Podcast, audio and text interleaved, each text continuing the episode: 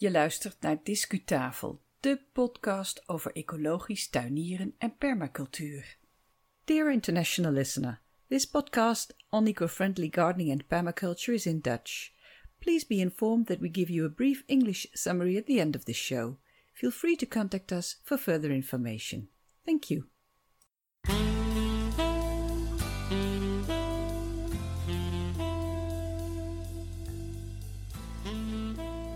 Welkom bij de Discutafel podcast. Fijn dat je weer luistert. Mijn naam is Yvonne Smit. Dit is aflevering 13 en vandaag is het 19 juli 2018.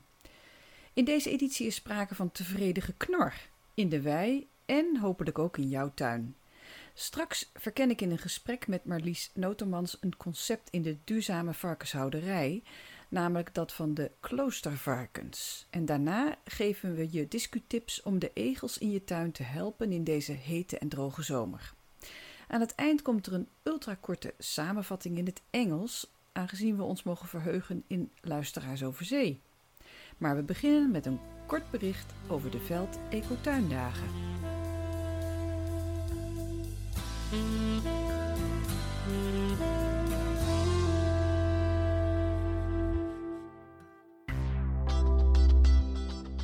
Discu-nieuws. In het eerste weekend van juni organiseert Veld traditiegetrouw Open Tuindagen.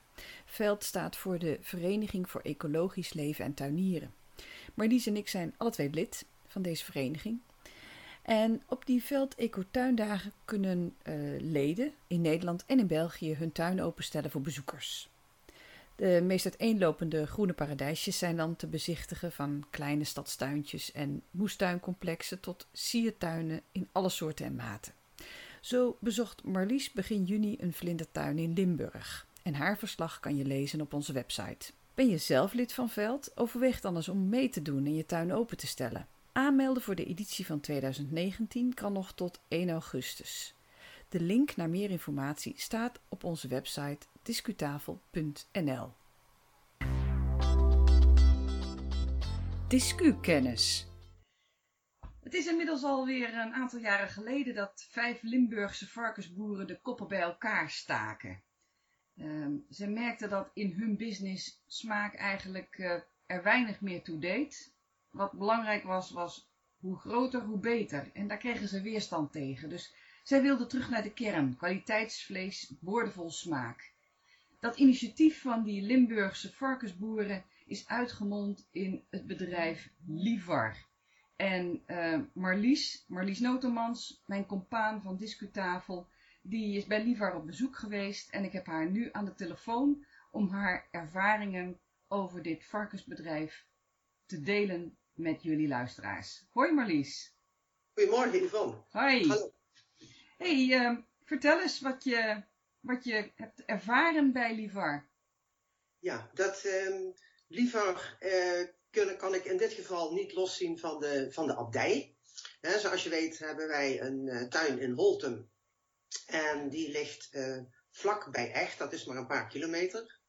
En daar staat een schitterende abdij, de abdij van Lielbos. Dat, daar leven al um, ruim 100 jaar monniken die op een hele sobere manier leven. En die werken daar samen met de mensen van Livar. Dus de Livar varkens worden daar geboren, die groeien daar op. Ja, dat, is, dat is een, vind ik zelf een hele mooie combinatie. Je hebt net al gezegd dat Livar, en Livar staat gewoon voor Limburgs varken. Dat, uh, uh, dat idee is al een aantal jaren geleden ontstaan. Kwaliteit van het vlees was slecht. Boeren hebben inspiratie opgedaan in Spanje. En in Spanje? In Spanje? Ja, ja, daar waren een aantal boeren op een ja, soort van bedrijfsbezoek, zeg maar. En die zagen dat daar lokale rassen kleinschalig werden uh, gekweekt en dat daar um, um, een veel betere kwaliteit vlees uitkwam. En die hebben toen gezegd van ja, bij ons moet het ook anders. Want de, ze hadden al ervaren dat goede restaurants hun vlees niet meer wilden. En dan hebben ze gevraagd, ja, waarom nemen jullie dat niet meer af? En even heel kort door bocht kregen ze als antwoord, het smaakt nergens meer naar. Echt waar? dat, ehm, daar, dat is het oorspronkelijke, de aanleiding van, verdorie, we moeten wat. Dat gaat niet goed op deze manier. In Spanje inspiratie opgedaan. En um, ja, Liel Bos is, hè, een, is een, een trappistenklooster. Ze leven daar heel sober, hè, met gebed, contemplatie. En ze voorzien ook zoveel mogelijk in hun eigen onderhoud. Nou, daar is een, eh, daar is een samenwerking uh, ontstaan. De principes van de abdij, die sluiten erg aan bij wat die boeren wilden.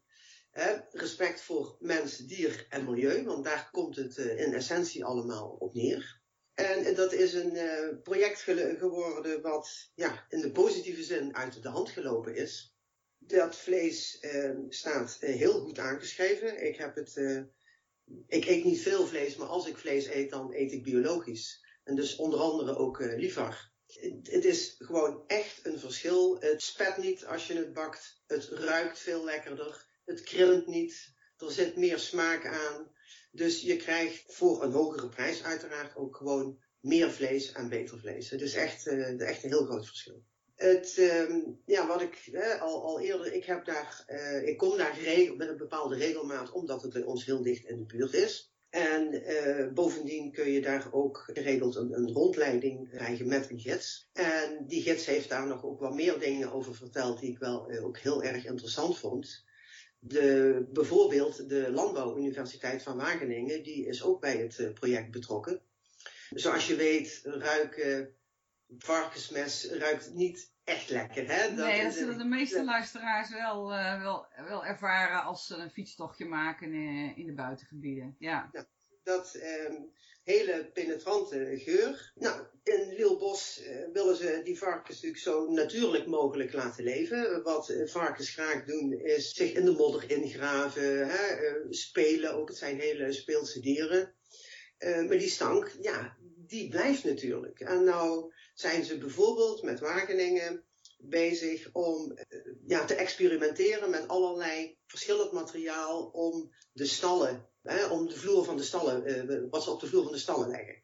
Dus met combinaties eh, van eh, zaagsel en hooi. En ze zijn nu op zoek naar een ideale combinatie die zoveel mogelijk de geur absorbeert. Oké, dus dat, dat, ze zoeken naar een samenwerking tussen die, die varkensmest en die varkenspies. En een bepaald materiaal waardoor de stank minder wordt.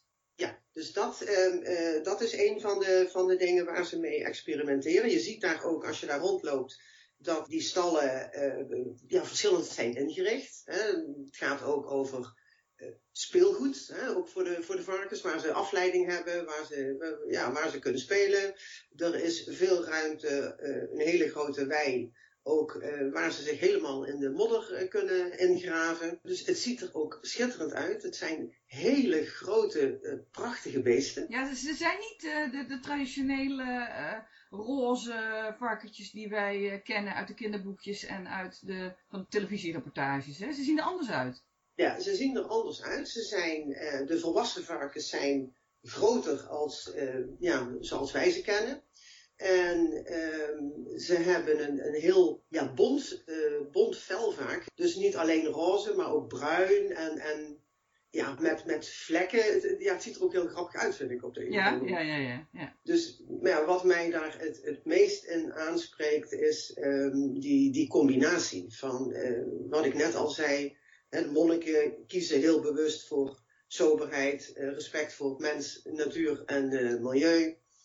En zo'n heel modern project in feite, hè, met wetenschappelijke kennis van de Landbouwuniversiteit en boeren die een beter product willen en consumenten die een beter product willen en daar ook wat meer voor willen betalen, dat komt daar allemaal samen.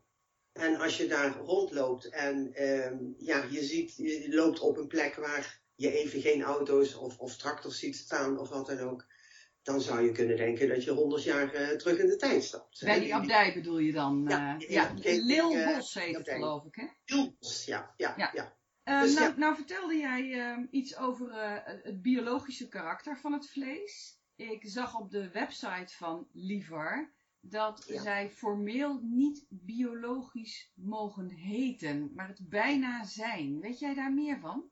Ja, dat klopt. Dat heb ik, dat heb ik toevallig gehoord van de gids. De enige reden waarom ze zich niet biologisch mogen noemen, is omdat het hooi en al wat, wat de varkens eten, het, het voer is niet 100% biologisch.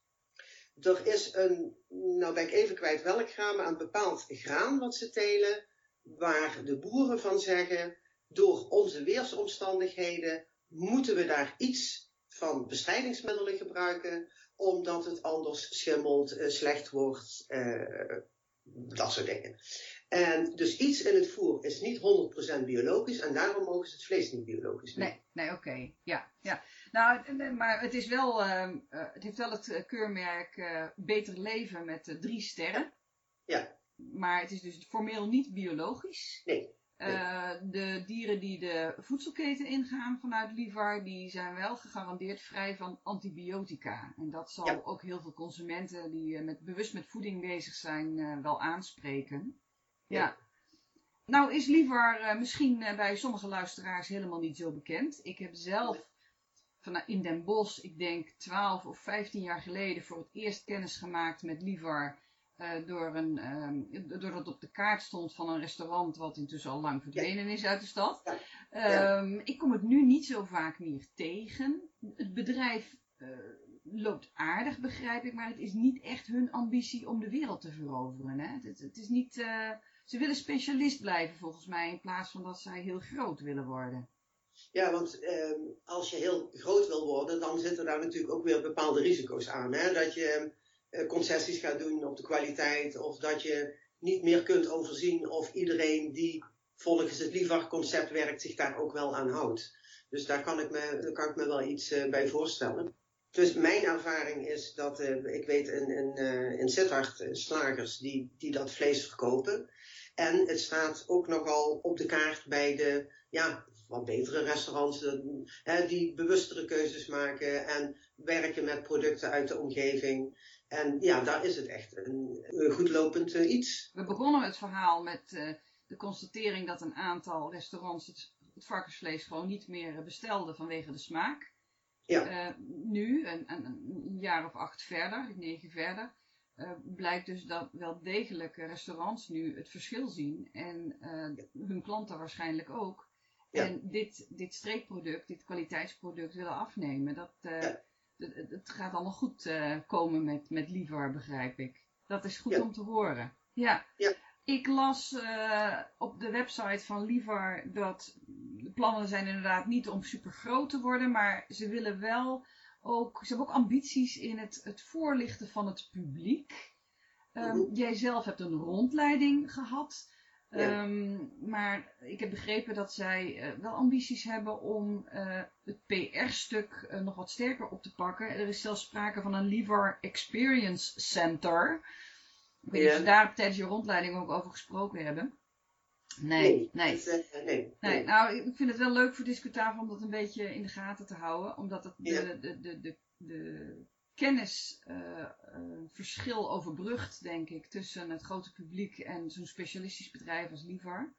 Ja. En ik ben ook heel benieuwd naar de, de educatieve, de didactische technieken die ze dan willen, uh, willen gaan gebruiken. Nee. Om, uh, ja. Ongetwijfeld zullen ze wat concessies moeten doen aan leukigheid, om het behapbaar te maken. Leuke term trouwens in dit verband. Ja, voor het publiek. Uh, maar ja, ik vind het echt een bedrijf om te volgen. Ik ben dus ook heel blij met jou als correspondent ter plaatse. Oké, okay, uh, ik zal dat in de gaten houden. En als er iets uh, nieuws te melden valt, dan hoor je dat zeker van mij. Dankjewel Marlies. Nou, zoals gebruikelijk zetten we de belangrijkste informatie die we net besproken hebben met alle contactgegevens van Livar, zetten we in de show note die verschijnt tegelijk met deze aflevering van, van onze podcast. Oké. Okay. Discutips. Het is nu medio juli 2018 en het is hier al wekenlang kurkdroog en warm tot heet. En ik trek me het lot aan van de egeltjes hier in onze tuin. Afgelopen week hoorde ik ze gelukkig weer scharrelen, zo vanaf kwart over tien s avonds. De blaadjes op de grond zijn droog en zo hoor je ze gemakkelijker lopen. Ze kiezen telkens vaste routes, onder heggen en onder struiken door. En af en toe schiet er eentje het tuinpad over. Of hebben land in onze serre, zoals eerder deze week. Kijk in de shownote voor enkele kiekjes daarvan. Egels zijn alleseters. Ze kunnen bij mij snoepen van de rode wijnbes en andere afgevallen vruchten. En van de bodemdiertjes zoals slakken, wormen en insecten. In de natuurlijke tuin zijn egels dus een zeer welkome gast. Behalve hun aandoenlijke uiterlijk beschikken ze ook over het vermogen om het aantal ongewenste bewoners binnen de perken te houden door er flink van te eten. Maar ja, die kriebelbeestjes die kruipen met die hitte en droogte diep weg. En regen heb ik hier ook al in geen weken gezien. Dus onze egeltjes zijn waarschijnlijk hongerig en dorstig. Ze hebben hier een uh, grote vijver tot onze beschikking. En die vijver die heeft een uh, schuin aflopende oever. En egels zullen daar zeker hun dorst mee kunnen lessen. Een rechte oever is gevaarlijk, want dan kunnen ze niet meer uit de vijver klimmen. Toch zette ik aan de andere kant van het huis bij onze achterdeur, uh, vlak bij de egelroute, een schaaltje water neer. Van de week was ik in de koelere avond met gieters in de weer om de moestuinplanten water te geven. En toen heb ik bij dat schaaltje water ook een handvol droge kattenbrokjes gelegd. En wat schetst mijn verbazing? Ik kwam terug met, een, uh, met de eerstvolgende lege gieter bij de kraan.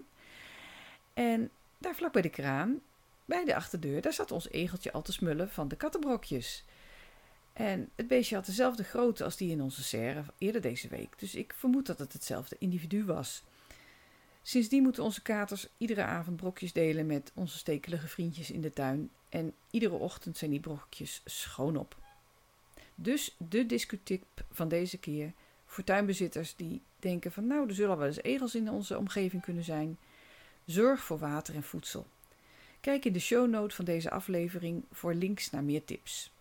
Zodat niet alleen de kloostervarkens tevreden kunnen knorren, maar ook de egels. Discuslot. In een vorige aflevering van de podcast hebben we jullie uitgenodigd jullie tips toe te sturen als het ging om tuinblogs en tuinnieuwsbrieven. En die zouden we vandaag bespreken. Maar daar hebben we nu even geen tijd meer voor. We schuiven dat door naar augustus. Je hebt dus nog alle gelegenheid om ons te laten weten welke tuinblog jij nooit overslaat. Vul het contactformulier in op onze website en we bespreken jullie tips in augustus. And now a brief summary of this show in English. In this edition, Marlies and I talked about a special concept in sustainable pig farming. Pigs are being raised in compliance with the philosophy of monks in the nearby monastery. Then I discussed the difficulties hedgehogs have to overcome in this enduring heat and drought. The prickly creatures in my garden are hungry and they enjoy the dry cat feed I give them.